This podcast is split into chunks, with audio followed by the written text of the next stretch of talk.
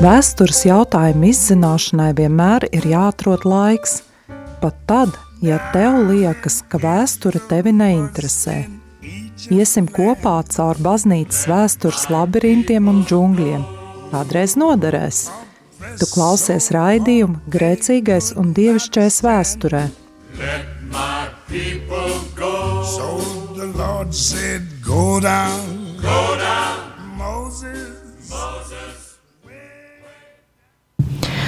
Labdien, cienījamie klausītāji! Um, liels prieks atkal jūs uzrunāt, un vēl jau lielāks prieks, ka šoreiz tas ir iespējams klātienē, un mans viesis ir mans uh, kolēģis, vēsturnieks. Vēl jau vairāk kādreiz mēs īsu laiku kopā esam strādājuši ebreju muzejā. Rīgas ebreju kopienas muzejā, ebreju Latvijā, un šodien man ir prieks uh, iepazīstināt jūs ar Ilju Ļenski. Ilja Ļenskis jau ilgus gadus ir muzeja Labdien. direktors. Um, mums pirms brīdiņa bija tāda īsa saruna par to, ka mums tik daudziem Latvijā ir uh, tās saknes, kur kādreiz bijušas ļoti daudzas ebreju kopienas, bet kuras jau nu, nav un ir palikusi tikai vēsture. Tu esi viens no tiem vēsturniekiem Latvijā, kas tiešām tieši tādā tiešā kontekstā nodarbojas ar Latvijas ebreju vēsturi. Uh, saki, lūdzu, uh, izvēlēties uh, vēstures studējas. Tas ir tā, tev likās loģiski, interesanti. Kas, kas bija tavs galvenais vadmotīvs, kāpēc tu aizgāji studēt vēsturi? Vismaz tajos laikos, kad es studēju, pirms daudziem, daudziem gadiem, vēstures studijās tu nenonāci nejauši. Tā nebija vissaprotamākā izvēle, un īpaši tā nebija izvēle, ko tu izdarīji, ja tu gribi tikt pie kādas naudīgas profesijas. un, protams, jā, man interesē vēsture. Man, tā likās diezgan loģiska izvēle vismaz pamēģināt studēt vēsturi. Man bija arī viena cita izvēle, kas toreiz saucās kultūras vadība, bet nu, es izvēlējos vēsturi. Nevienam nekad nenācās to nožēlot. Nu jā, tas ir ļoti labi, jo man liekas, ka es tik daudz vēsturnieku satieku, kuri vienmēr gribēja nezinu, studēt kaut ko citu, bet to vismaz viņi uztver, ka tā ir nejaušība, ka viņi ir nonākuši vēsturē un vēstures vēl jau vairāk profesionālajā dzīvē. Ilja, tu esi ļoti pazīstams Latvijā ar to, ka tu nu, esi ne tikai vēsturnieks, ne tikai muzeja direktors, bet arī eksperts ebreju, e, ebreju vēsturē Latvijā. Um, es to formulētu drīzāk tā, ka mani visu laiku uzrunā kā ekspertu. Te... Gan es sevi īsti neuzskatu par ekspertu daudzās Bet, nu, lietās. Tu jau noteikti esi viss zinošākais no, no mums visiem profesionālajiem vēsturniekiem. Varbūt profesors Stranga ir tikai mazliet zinošāks. Bet, uh, saki lūdzu, um, nu, tā Latvijas ebreju vēsture, ja mēs tā izvērtējam to, vai tu varētu teikt, ka pēdējos gadus 20, 30 ir daudz darīts, lai izzinātu um, nu, to, kas ir bijis gandrīz pazaudēts, gandrīz aizmirsts vai atstāts novārtā? Jā, protams, ir izdarīts ļoti daudz, kas ir svarīgi. Ļoti daudz ko ir darījuši novadpētnieki, lai izzinātu noteiktu reģionu vai pilsētu um, ebreju vēsturi. Un mums ir jāatcerās, ka mums patiesībā pēdējais visaptvarošais darbs Latvijas ebreju vēsturē uh, ir tapis 1965. gadā. Uh, to uzrakstīja tāds Izraēlas uh, žurnālists, pusvēsturnieks Mendels Bobē, uh, kas bija balstīts lielākoties uz uh, iepriekšējo autoru darbiem. Uh, un tad patiesībā pēc 90. gada ļoti daudz kas ir nācis klāt, kad atkal sākās pētniecība, un tad mums parādījās visaptveroši darbi, tur, teiksim, Leo Dribina, uh, grāmatā ebreju Latvijā vai eh, jau piesauktā profesora Strangas grāmatā ebreju Baltijā. Protams, ir ļoti, ļoti daudz, kas ir izdarīts. Ne, mēs nevaram salīdzināt mūsu zināšanu, mūsu izpratnes līmeni pirms 30 gadiem un šodien. Es arī skatos uz saviem studentiem, tik līdz nu, es sāku strādāt Latvijas Universitātē, un viena no tām tēmām, ka, par ko man kā, bija jāgatavo lekcijas, bija par etniskām minoritātēm, reliģiskām minoritātēm Latvijā. Un toreiz, nu, teiksim, kādus 20 atpakaļ bija tāda vispārēja interese, ja, kad mums vajag izzināt, un visvairāk tieši saistījās ar ebreju vēsturi. Kad visiem bija interese, tāpēc, ka visiem bija kād, kādam attāls radinieks, citam kaimiņš un, un tam līdzīgi, un arī jauniešiem tā, tā interese bija tāda izteikta. Tagad varbūt uh, droši vien, ka uh, tās zināšanas ir daudz pieejamas un plašākas, un, un uh, visiem ir iespējams, nav jāizvēlas kāds kurs, bet tas ir tāds, kur nu, ne tikai muzejā, vai, vai ne, tikai, ne tikai paņemot kādu Latvijas vēstures grāmatu, var atrast to, ko kādreiz varbūt neviens nezināja, bet saki, tu kā tu aprakstītu, kas ir tas cilvēks, piemēram, tu minēji par tiem daudziem novatpētniekiem, kas toreiz par šos pirmsākumos dalījās. Kad domā, kas, kas cilvēkiem bija tas, nu, tas viņu arguments, kāpēc viņi to gribēja celt, pētīt, meklēt? Svarīgākais arguments, plus mīnus, uh, ir tas, ka cilvēki uztvēra ebreju vēsturi kā sava novada vēstures sastāvdaļu. Uh, lai par kādu Latvijas novadu mēs nerunātu. Un tie ir svarīgi, ka mums bija pētījumi par um, reģioniem, kur bija ļoti lielas ebreju kopienas, nu, piemēram, par Bausku. Uh, bet bija arī pētījumi, un vēl joprojām turpinās pētījumi, kas varbūt iesākās drusku vēlāk. Par tādām pilsētām kā Valmiera vai Cēsis, kur bija ļoti nelielas ebreju kopienas, un kur ebreju vēsture varbūt ir drīzāk tāda viņģete, nevis uh, nesošā konstrukcija pilsētas vai reģiona vēsturē. Bet tomēr ir cilvēki, kam ir svarīgi šo stāstu izpētīt un šo stāstu izstāstīt, kas arī ir nemazāk svarīgi. Ka šie pētījumi nepaliek kaut kur plauktā starp manuskriptiem, bet uh, tiek komunicēti auditorijā, konferencēs vai kā um, sadaļas grāmatās. Uh, tas arī ir ārkārtīgi svarīgi, ka cilvēki uzskata, ka jā, mēs par to gribam kaut ko publicēt, kaut ko uzrakstīt, lai tas stāsts būtu pieejams. Jo citādi, teiksim, par kaut kādu nelielu kopienu vēsturi, bieži vien bija pieejamas tikai 80. gadu nogalē. Izrēlā tapušās kompilācijas, kas bieži vien bija uh, nu, tā, ļoti atšķirīgas kvalitātes. Hmm. Zini, kad uh, es plānoju šo raidījumu ciklu visā šī gada garumā un nākamā gada pirmajā pusē, man liekas, es ar tevi gribētu parunāt par tādiem nu, jautājumiem, kas skar ļoti nu, tīri vēsturi.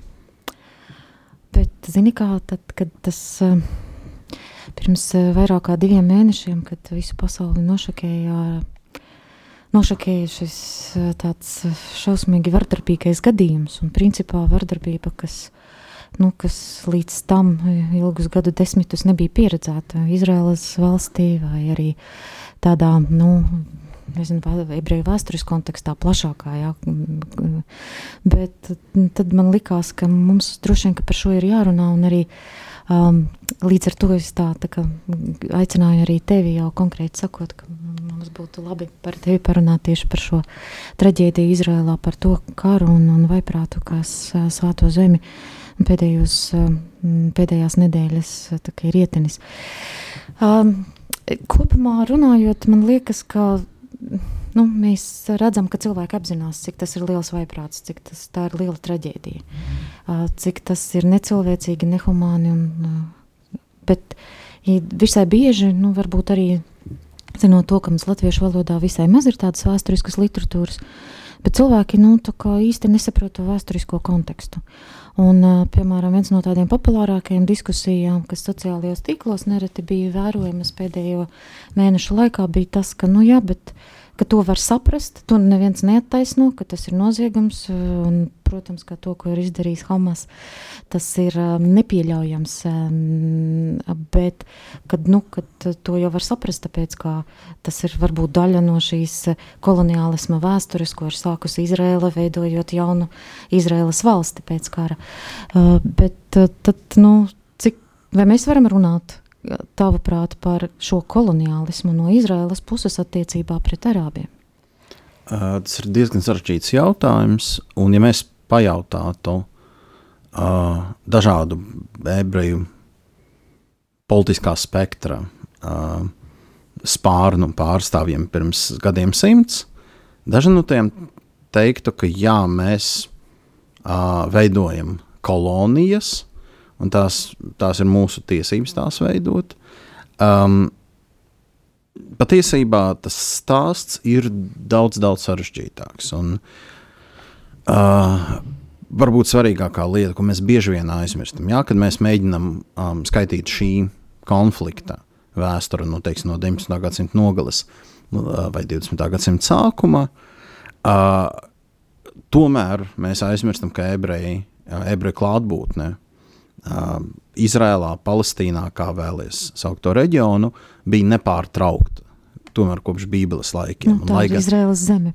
Jā, bet un, un lai gan paši ebreji uh, uztvēra uh, sevi kā tautu, kas atrodas galvenokārt diasporā, kas ir izkaisīta, kas tika, tika padzīta, un arī citi uzskatīja, bet patiesībā tas process, kā mēs šodien zinām, bija daudz sarežģītāks. Tā nebija kaut kāda viena momenta padzīšana, kā to bieži vien apraksta, ka romieši padzina ebrejus no svētās zemes. Ne, tas, tas bija daudz sarežģītāks process, kā ebreji no vairākuma kļuva par mazākumu svētajā zemē, bet uh, visu laiku tur nebija, bija nepārtraukta ebreju klātbūtne. Uh, jau vismaz no viduslaiku nogales mēs varam runāt par to, ka ebreji veido vairākumu gan Jeruzalemē, gan kaut kādā brīdī arī citās pilsētās. Tur, tur statistika visu laiku mainās, bet par Jeruzalemi mēs varam diezgan droši runāt, ka pēdējos dažus gadsimtus ebreji ir vairākumā Jeruzalemē, ir lielākā iedzīvotāju grupa vismaz. Uh, un kas ir svarīgi, ka arī ebreju kaimiņi, vai mēs runājam par grupām, kas sevi identificē etniski, vai par grupām, kas sevi identificē reliģiski. Un neaizmirsīsim, ka blakus, blakus ir Sīrija un Libāna, kur ir ļoti raiba šī etnokonfesionālā aina. Jā, un, un kur mēs varam runāt teiksim, gan par katoļu, gan par pareizcīgo dažādām grupām, maronītiem, kas tik ne. Un katrs sevi identificē atsevišķi, vai etniski, vai reliģiski. Uh, bet nu, kaimiņu tautas vai kaimiņu grupas arī uh, kopumā šo te saikni starp ebrejiem un Izraēla zemi uzskatīja par pašsaprotamu. Jā, un bija skaidrs, jā, ka um, ebreji cieta teikt, militāru politisko neveiksmi. Kaut kādā brīdī viņi ir zaudējuši savu neatkarību, ir viņus piemeklējis visādas traģēdijas.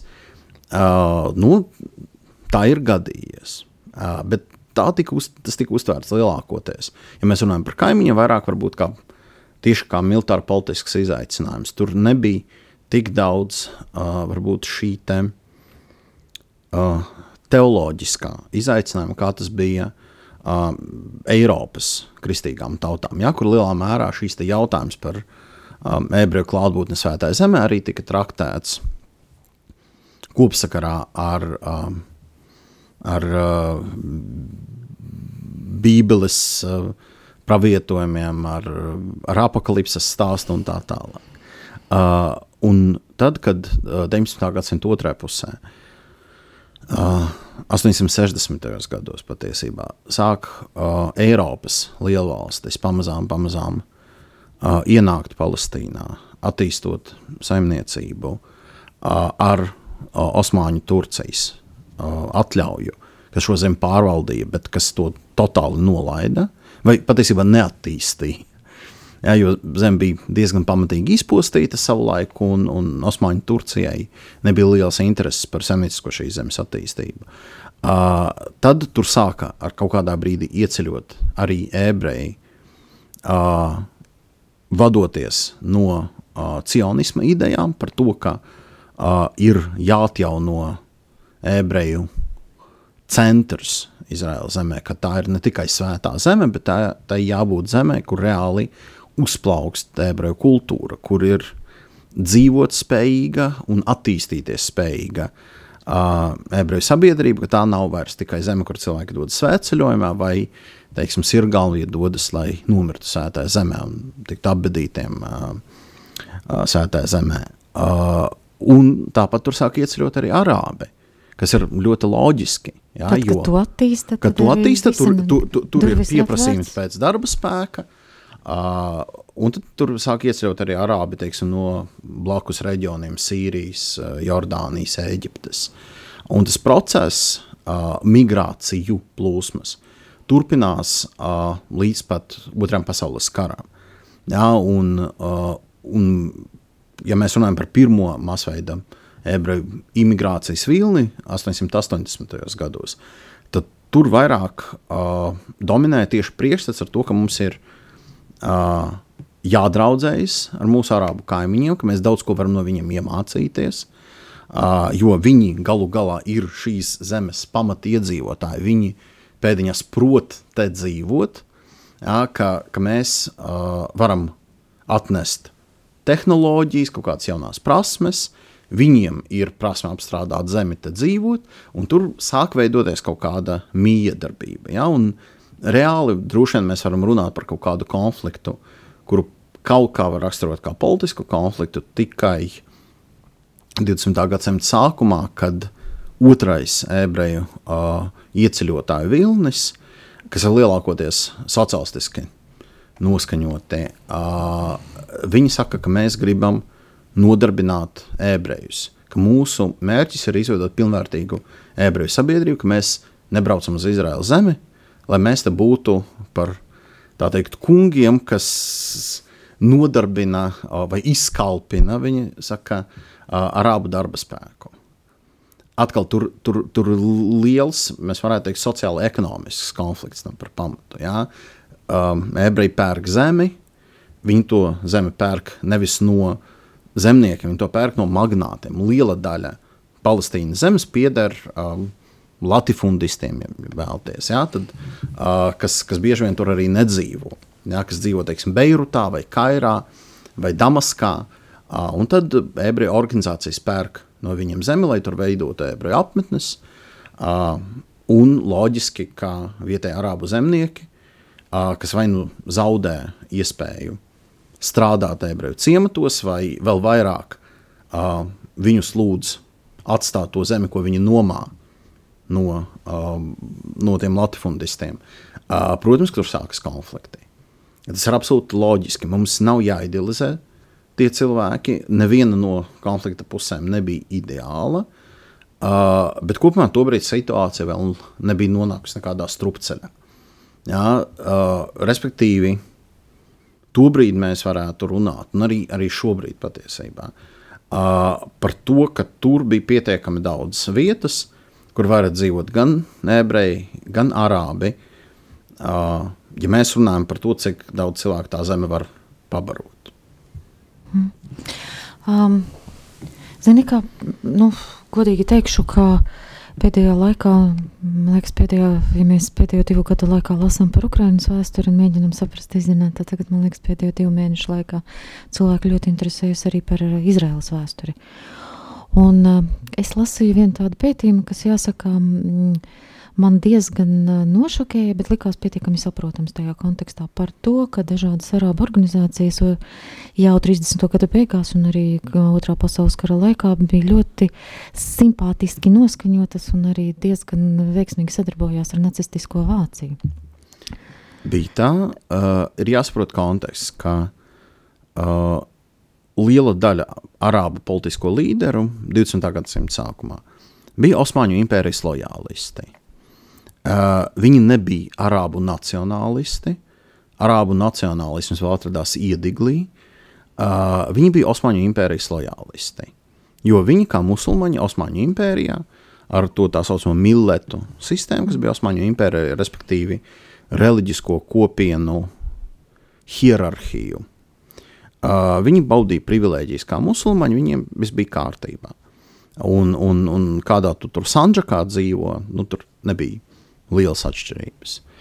Uh, un reāli arābu nacionālisms sāka formēties, protams, jā, kā pretreakcija uh, Eiropas uh, koloniāliem kariem, it īpaši, ja mēs runājam par Ziemeļāfriku, uh, Maroka, Lībija, Alžīra.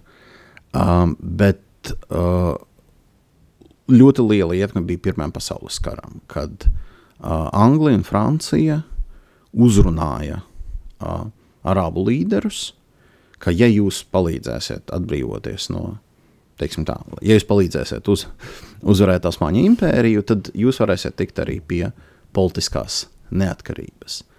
Un, protams, ka dažādiem arābu līderiem bija savi priekšstati par to, ko tas nozīmē. Un atcerēsimies, ka diezgan liela daļa arābu pasaules to brīdi um, jau bija patiesībā uh, Anglijas kontrolē. Ja mēs runājam par uh, Arābu Emirātu teritoriju, Bahreina, Katara, Omāna, daļa Jemenas. Tā, bija, tā, tā jau bija Angļu, nu, tas bija Anglijas protektorāts. Uh, un no vienas puses tad arābiem tiek kaut kas piesolīts. Ir lielas diskusijas. Tagad atkal sāk pārdomāt un, un diskutēt par to, ko reāli um, Angļi vai Franči piesolīja arābiem. Bet uh, tāpat Anglija arī saka, ka jā, mēs veidosim ebreju māju vietu Palestīnā, nacionālo māju vietu, nekonkretizējot, ko tas nozīmē. Uh, tā ir tā slavenā 17. gada uh, Balfūra deklarācija. Anglijas ārlietu ministrs Lords, Lords Balfūrs pasludina, ka mēs veidosim ebreju nacionālo māju vietu Palestīnā. Uh, tur pagaidām neiet runa par valstīm. Iet runa par to, kā Osmaņu impērija tiks uh, sadalīta, uh, un tad attiecīgi Anglija, Francija, kā tas notiek uh, 19. gadā, uh, iegūs mandātu uz lielās daļas teritorijas pārvaldīšanu uh, ar uh, ideju kādreiz tur izveidot valstiskumu. Tas ir svarīgi, ka uh, Anglija un Francija pēc Pirmā pasaules kara nevis vienkārši saņem kolonijas, tās nav kolonijas. Tuvajos austrumos mandāta teritorijas, atšķirībā no tur, teiksim, Namībijas, jā, kas ir bijusi Vācu uh, Dienvidrietumā Āfrika. Uh, tās nav kolonijas. Tur skaidri un gaiši noteikts, ka tās ir teritorijas, kur pēc 25 gadiem, vai 30, 25 gadiem, liekas, mm. vēlams būtu izveidot kaut kādu valstiskumu. Un jautājums ir par to, kāda, kāds valstiskums, vai drīzāk kādi valstiskumi tur būs. Un tur ļoti interesanti paskatīties, kā arābu līderi, kā viņi tur rotējas. Tur Feisals, kas vispirms, man liekas, ir Irākas karalis, tad kļūst par Sīrijas karali vai otrādi. Um, Arabi formējas kā politiskā nācija, bet viņi vēl ir ilgu laiku sevi uztvērs kā daļu no tāda liela tuvu austrumu arābu kontinūma, ja, izņemot Saudārābiju, kas atkrīt 30. gada sākumā. Un, protams, kā uh, nacisti, kas viņiem sola, ka mēs jūs tagad atbrīvosim no angļiem, kas jūs piekrāpa, kas atbalsta ebrejus, pret, kā pretstatu jums, tad loģiski, ka viņi uh, skatās ar simpātijām uz nacistiem, uh, Daži līderi ir mazāk, sim, mazāk simpatizē, daži, kā piemēram Jēzus Muftijs, Hadžamins Al-Huseinī, ir ļoti tuvi Hitleram un palīdz tā skaitā Hitleram formēt um, kaujas vienības no um, Eiropas musulmaņu tautām, no bosniešiem, piemēram. Uh, sava loģika tur ir. Vai man patīk, mums tas nepatīk, bet te, tas bija politiskais aprēķins. Tur sākotnēji nebija nekā ideoloģiska. Jo, kā, kā jūs saprotat, tad no nacistu rases teorijas viedokļa arābi bija plus mīnus tādi paši semīti, un, un nekādas draudzības tur nevarēja būt.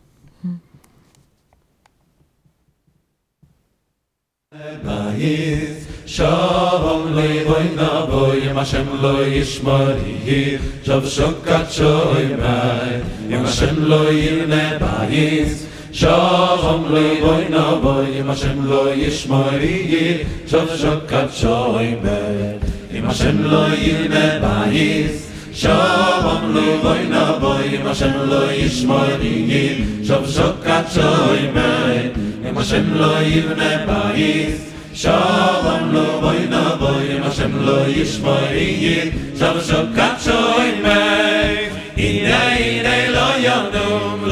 lo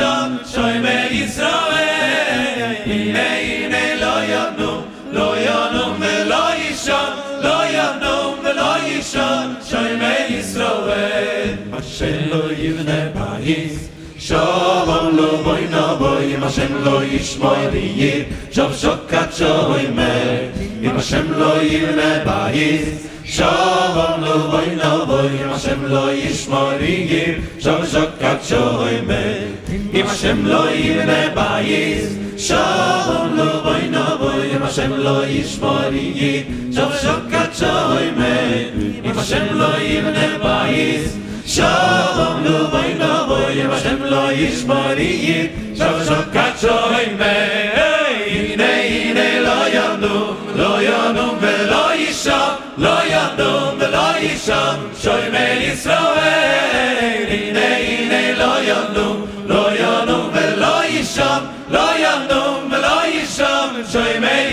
Hallelujah.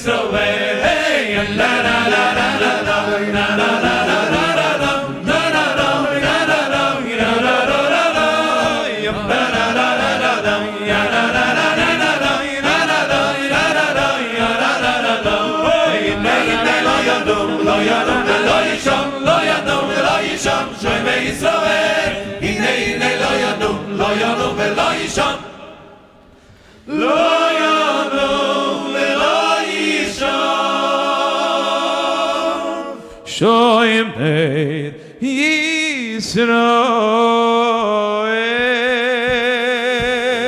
לא ימנה בית שובם לא בואי נבואי אם השם לא ישמור יהיה שוב שוקת שוימר אם השם לא יבנה בית Nu, mēs esam atpakaļ studijā.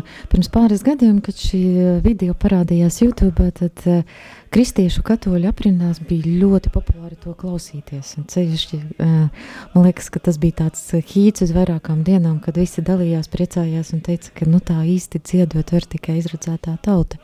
Bet daži, nu, lielākoties kristieši vai arī katoļi atpazīst tikai dažus vārdus no šī psalma. Par ko tad šis psalms ir? Nu kā, tā pamatfrāze, ir Izraela, uh, latviešu tulkojumā, man liekas, tur bija nesnaudu un neguļ um, Izraela sargs. Uh, tā ir daļa no uh, fragmenta, kas ir iekļauts arī uh, teiksim, jūdaisma ikdienas liturģijā. Um, tā ir tā saucamā vairāki psalmi, kas saucās um, kāpņu dziesma uh, Širamā Lot, uh, tiek pieņemts, ka uh, tā, tā ir daļa no psalmiem, uh, kurus dziedāja Jēzus priesteri kāpjot templī. Uh, un, principā, tur arī viss ir, ir ietverts tajā frāzē. Jā, ka, protams, ka uh, ebrejiem, es domāju, ka pat tiem, kas ir diezgan tālu no reliģijas, um, šī apziņa, ka ir kaut kāds nosacīts spēks, uh, kas viņiem palīdz. Citi var šo spēku saukt par dievu, citi par uh, vēsturisko taisnību, vēsturisko patiesību. Vai kā latvieši teiktu, senča gara? Vai, vai kaut kā citādi. Es domāju, ka tas diezgan, uh, diezgan bija svarīgs vadmotīvs uh, daudziem ebreju politiķiem 20. gadsimtā. Uh, kad viņi domā nevis par, teiksim, par to, ka viņi ir individuāli aizsargāti.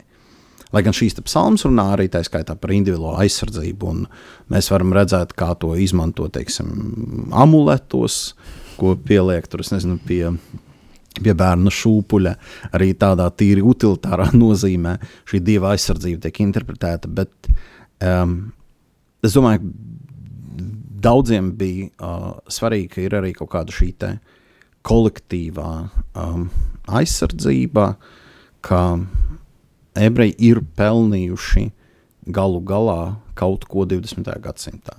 Un te ir ļoti svarīgi, uh, ka Izraels rašanās konteksts ir lai gan tuvojas austrumos, bet 20. gadsimta sākumā mm. Eiropas kontekstā, tāpat kā dzimst nācijas visā Austrumē, Eiropā 19. un 20.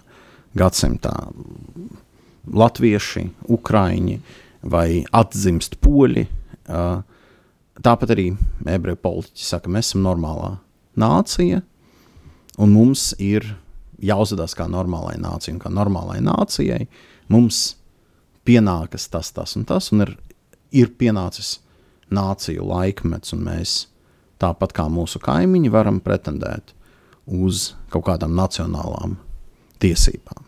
Un tad atkal tie, kas paliek Eiropā, viņi, viņiem ir savs saraksts. Ko tas nozīmē? Viņi saka, ka mums patiesībā tās tiesības jāizteno te, Eiropā, kur mēs dzīvojam, nevis jābrauc kaut kur uz Palestīnu, kad mēs nomirsim no malārijas. Uh, tie, kas saka, nē, ka mums tās tiesības jāizteno Izraēlas zemē, jā, bet viņi tāpat runā par šīm 20. gadsimta sākuma tiesībām. Uh, mēs varam tikpat labi šo psalmu identificēt arī kā stāstu par šīm nacionālām tiesībām 20. gadsimtā. Bet man vienmēr fascinē tas, Nu, ja tā mēs paskatāmies, ne, nevis nu, labi, Izraels vēstures kontekstā, tas jau ir skaidrs pats par sevi. Tur ir ikdiena ir cīņa par valsti. Uh, bet arī tāda ebreju vēstures plašākā kontekstā par to, ka ebrejiem ir ļoti spēcīga izteikta apziņa, ka ebreji spēj dzīvot un vērtīgi būt un eksistēt un, un runāt ar kungu tikai tad, kad viņiem ir tā sava valsts. Ja? Tad tas tā valstiskā apziņa, tas ir, manuprāt, ir ļoti unikāls. Nē, absolūti nē.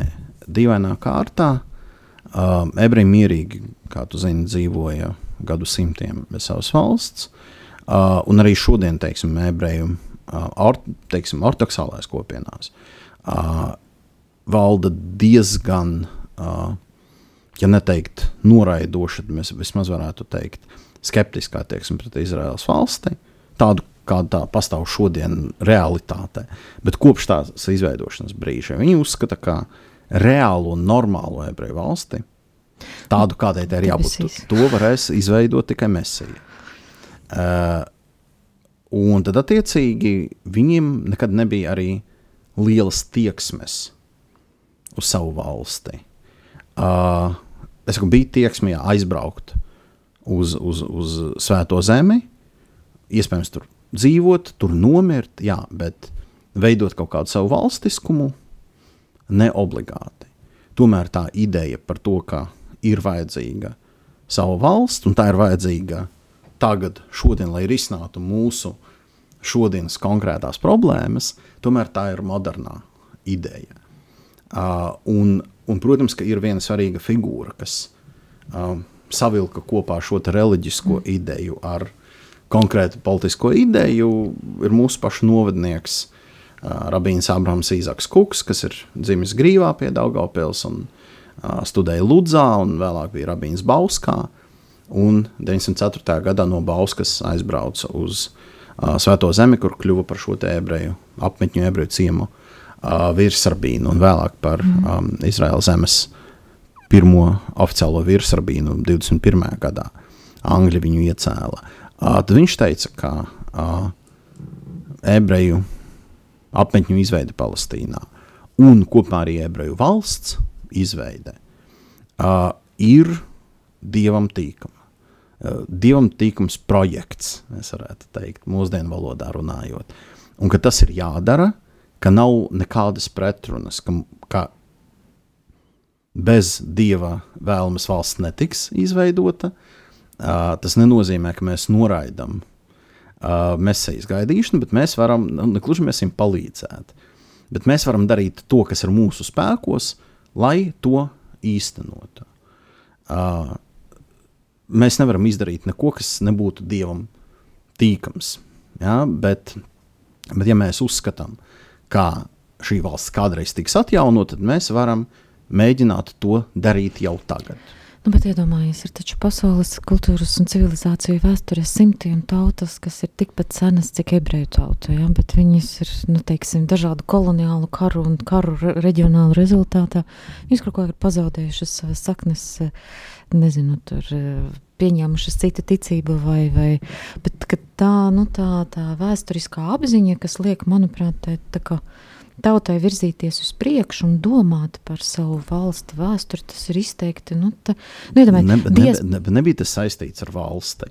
Esmu, vēl, nu, vēl viens mūsu pu, pusnovadnieks, Šimons Dubnovs, vēsturnieks, kas jā, gāja jā. bojā Rīgā. Viņš vispār rakstīja, ka ebreji ir jau sen tikuši pāri valsts stadijai ka, ka, ka ar valstiskumu nodarbojas tautas, kas ir pārāk jaunas, un ebrejiem valsts ir jau bijusi. Mēs jau sen esam attīstījušies tālāk. Bet tad, kur tas lūzuma Bet, posms? Tas lielais, nav, nav, tur, nav tur lūzuma posma. Uh, tu saproti, ka uh, tāpat kā latviešiem kaut kādā brīdī parādās ideja par to, ka mums vajag savu valsti. Tas nav tā, nu, nu piedod, mēs esam vēsturnieki, mēs ļoti labi zinām, kā uh, nosacīta 16. gadsimtā, kad izveidojas latviešu kā etniskā grupa. Uh, nav tā, ka mēs redzētu kaut kur kaut kādu lielu vēlmu pēc latviešu valsts. Nevis tāpēc, ka latvieši ir neatkarīgi. Mēs viņu pat 18, 1918. gadsimta beigās īsti tā neredzējām, ja godīgi. Jā, bet nu, vismaz teiksim, 20. gadsimta sākumā mēs varam runāt par to, ka mums ir politiķi, Un tas nav kaut kāds viens cilvēks, nav tikai Miķels Valters, bet ir politiķi, kas saka, mm. jā, mums vajag savu valsti. Kopumā tā ideja par kaut kādu autonomiju valsti attīstās 19. gadsimta nogalē. Uh, lūk, tas, tas ir normāli. Tas nav tā, ka katrs noteiktās etniskās grupas pārstāvis katru savu dzīves brīdi sapņo par valsti. Tā ir politiskā ideja. Uh, Cits jautājums, ka, ka ebrejiem bija dziļa pārliecība, tā bija reliģiskā pārliecība, ka kādreiz tā valsts būs. Uh, bet, bet lūzuma punkts 19. gadsimtā ir tas, ka parādās lielā skaitā cilvēki, kas saka, nu, strādāsim šai virzienā. Mm. Uh, Bet mēs ar savu dzīves biedru runājām, skatījāmies televizoru un runājām. Un viņš, nu, viņam patīk vēsture, patīk politika. Tad, tad, bet tas, tā saruna bija tāda, viņš teica, bet uh, tas ir kaut kas apbrīnojams. Tad notiek šī lielā traģēdija. Hamas uzbruk mierīgajiem iedzīvotājiem. Ir liels šoks, hauss un tā tālāk. Un ko dara ebreji visā pasaulē? Pako mantas un lido uz Izrēlu. Ja? Tātad aizstāvēt valsti, kur varbūt viņiem ir tikai pilsonība šīs valsts. Nu tā, teiksim, ja nu, mēs tā skatāmies. Vai, vai brauc kā brīvprātīgi, brīvprātīgi arī tie cilvēki, nav kuriem pilsonības. Nav, kuriem nav pilsonības un kuri nav arī pakļauti tai nu, uh, militārajam dienestam, iesaukumam un tā tālāk. Un, un pats apbrīnojamākais bija viens vecs kungs, laikam 90 gadi, jā, kurš arī devās karot. Nu, tādā ziņā, bet tas nozīmē, ka, nu, tad, principā tās e, Izraels valsts eksistence, tas ir tas, kas nu, apvieno mūsdienu ebrejus visā pasaulē? Um. Grūti teikt, tas apvieno visus ebrejus. Uh, ebreji ir ļoti dažādi, būsim godīgi. Bet daudziem, jau daudziem ebrejiem tas ir kaut kas ļoti svarīgs. Uh, tāpat kā es nezinu, varam teikt, daudzi vai ne tik daudzi, bet nu, tomēr liela uh, daļa Latvijas iedzīvotāju kaut kādā veidā palīdz Ukraiņai. Jā, varbūt ne tik daudzi brauc reāli tur karot vai, vai kā brīvprātīgie mediķi, bet nu, naudā vai graudā ziedo, es domāju, ka lielākā daļa Latvijas mm. sabiedrības. Uh, jo tas šķiet kaut kas ārkārtīgi svarīgs mūsu pašu dzīves vai identitātes uh, aizsardzībai un saglabāšanai.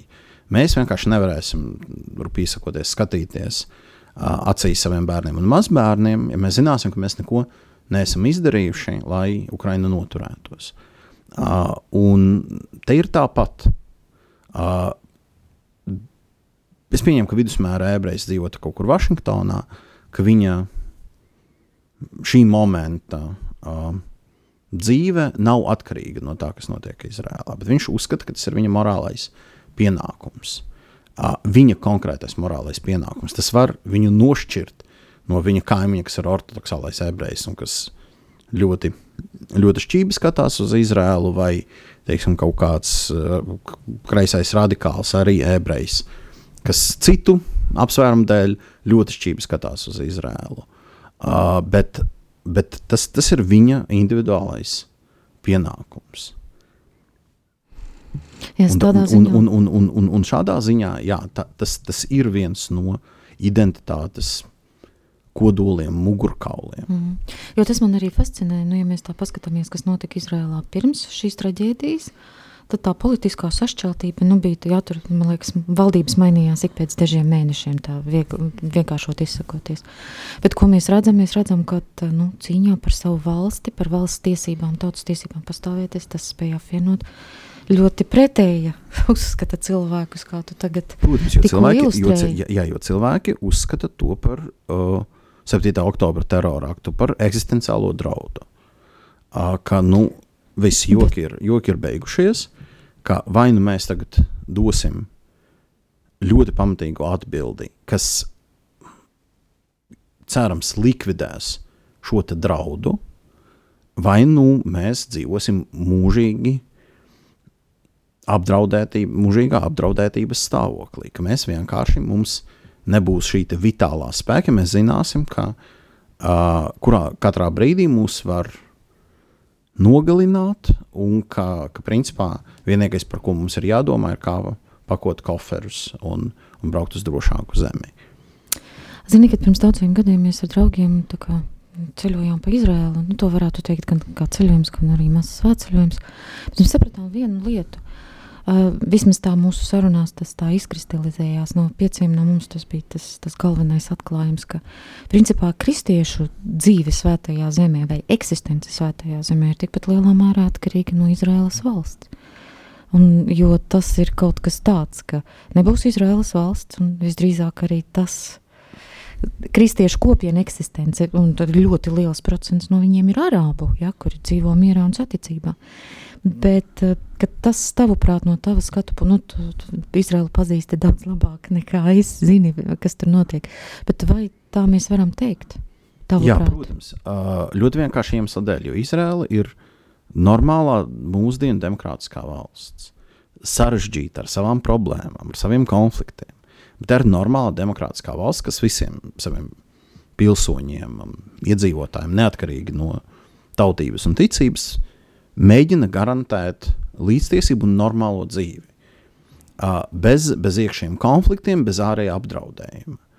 Mēs to nevaram teikt, protams, nu, par gāzu jau nemaz nerunājot, bet es tā saprotu arī, ka Palestīnas autonomijā tur ir visādas problēmas. Uh, Libānā tur diemžēl ir, ir, ir, ir kaut kāds permanentais pilsoņu karš. Uh, Uh, un tur iespējams arī kristiešu kopienas ir apdraudētas. Sīrijā mēs nu, jau ir pazudušas. Jā, jā nu, Libānā nav pazudušas, jo Libānā tur labi ir politiskā pārstāvniecība, bet Sīrijā mēs redzam, ka um, ISIS slaktēja masveidā kristiešus dažādu novirzienu. Uh, un es pieņēmu, ka tas vēl joprojām turpinās, vismaz izceļošana vai izspiešana. Šai ziņā Izraela tā ir, tā ir drošākā vide kristiešu kopienām tuvojas austrumos. Un tā ir iespēja kristiešu kopienām arī pasargāties no tā mūsdienu uh, arābu koloniālisma, jeb Hamas sludinātākā koloniālisma, ko mēs tas nav, tas nav redzam. koloniālisms, tas ir ļoti svarīgi, tas nav nekāds koloniālisms, tas ir um, reliģiskais ekstrēmisms, respektīvi šie cilvēki grib vienkārši visus, um, vēlams, labi, ja nevar visus apslaktēt, uh, kas, kas viņiem nepatīk. Tā izskaitā musulmaņu starpā. Mums jāsaprot, ka lielākā daļa musulmaņu ekstrēmistu upuru ir musulmaņi. Tie nav ebreji vai kristieši. Mm. Uh, vai nu vismaz viņus pakļautie. To pat nevar raksturot kā koloniālismu. Tur vienkārši nav nekādas loģikas. Tā ir nu, kaut kādā ziņā mēs varētu teikt tāda plika, reliģiskā, fanātiskā agresija. Nu, diemžēl šoreiz mūsu laiks jau ir uh, iztecējis, bet uh, es gribētu jau pirmkārt teikt lielu paldies, ka tu atradi laiku un, un teikt arī tādu, nu, kā lai pasaka, mm, vēlējumu, ka kādreiz atradīsi vēl laika, lai mēs atnāktu un varētu parunāt kopā Jā, par paldies, ka uzaicinājāt, vēlams, ka mēs runātu par kaut ko priecīgu. Jā, es arī gribētu labprāt parunāt par priecīgo un uh, Mīļie radio klausītāji, liels jums paldies par to, ka bijāt kopā ar mums, ar Radio Mariju, ar mani, ar Ilju šajā sarunā. Un vienīgais, ko laikam visdrīzāk es gribētu visiem novēlēt, tas ir tāds ļoti, ļoti bagātais un ļoti dziļais vēlējums, ko um, ebreju kultūrā parasti saka, tas ir šalom. Lai miers, miers jūsu mājās, miers mūsu sirdīs, miers arī pasaulē, un tiksimies janvārī. Paldies! Paldies visiem! Paldies, priecīgus Ziemassvētkus!